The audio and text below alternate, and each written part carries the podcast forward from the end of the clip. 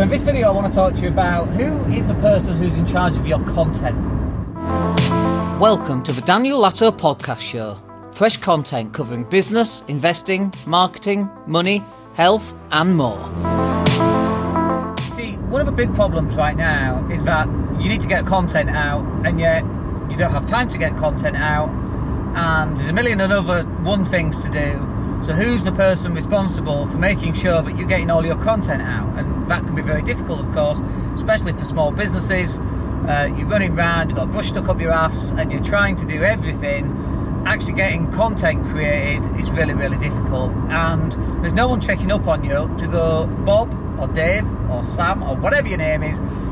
When's this bit of content coming out? Why is there no content out for the last 30 days? Listen, I'm a hypocrite. My lives, I've not done a, a, a, a live stream for like three weeks. I did my first yesterday and I meant to do one today and then life got in the way again. So it happens to me as well. We're lucky because we've got all this other content going out. I'm just on my way to go buy a fan because it's too hot. A good opportunity to slap the uh, GoPro on the desktop and create some content.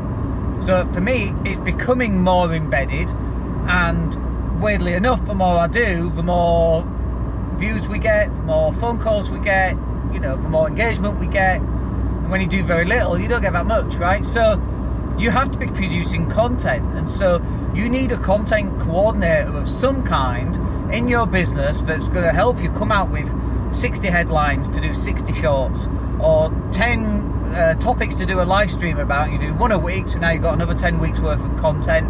Then you can pull out all the little snippets out of that content, convert it to a podcast, and so on. But it's really hard to get started, so you need to decide who is going to be that person within your business that's going to manage content. Now, originally, it's not going to be, or initially, I should say, it's not going to be somebody who is doing it full time but probably got another job but you should be checking in on them, but they're checking in on you, that you're doing your job properly, and you should be checking in that they're doing their job properly. That could be at the end of the month. Okay, how many videos have we done? Uh, okay, we're going to do four. I need you to remind me to do more so we can do four a week. That would be a good start, but nowhere near the amount of volume that you need to be doing. And then you might go, well, it's just too much, just too much. And I understand that. But then what else are you going to do? If you're not marketing, if you're not using content, what else are you going to do to get people in front of your goods and services and business and, and how do you get them to like you and to know you and to trust you? It all comes from content. This is what business is these days. It's 2023. Uh, you can go to networking events. Of course, you can go to networking events.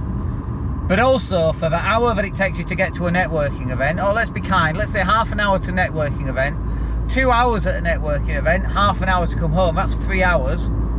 How many pieces of content at five minutes long? Three hours is, um, what, 180 minutes? Let's say 10 minute videos, 18 of them. like, in one evening, you could create 18 pieces of content. That's at least one piece of content a day. Or it's twice a day for the next nine days almost just over two a week.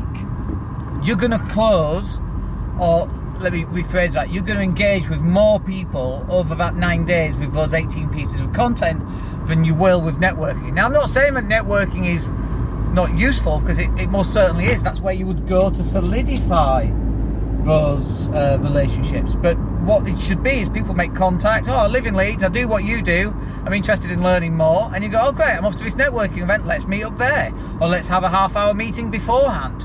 Uh, the networking event, going back 10 years, this is where you first met people, and you initially, if they didn't know anything about you, didn't know you existed, this is where you met people. That has gone.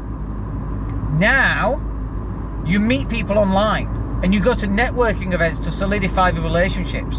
The relationships have moved a step a step further on. And so if you're not taking advantage of this, you're still living as though it's the 1990s. You're going to die out with the dinosaurs and your business is going to suffer because of it. So you, this all comes back down to who's going to be the content coordinator, who's going to be the person that ins- insists and reminds everybody of the content that needs to be put out there. Now, also, I don't think this should just be put on you. This should be put also on your staff. So if you've got a technical expert who knows everything inside out and back to front about how to create an NDA on Word, for your property sourcing business, they should actually be creating a video about how to create an NDA on Word. You don't have to give away the NDA, but the, the, fact that you're recording about an NDA means that you have one that you can sell on, or whatever it is that your business happens to do. That's how it works.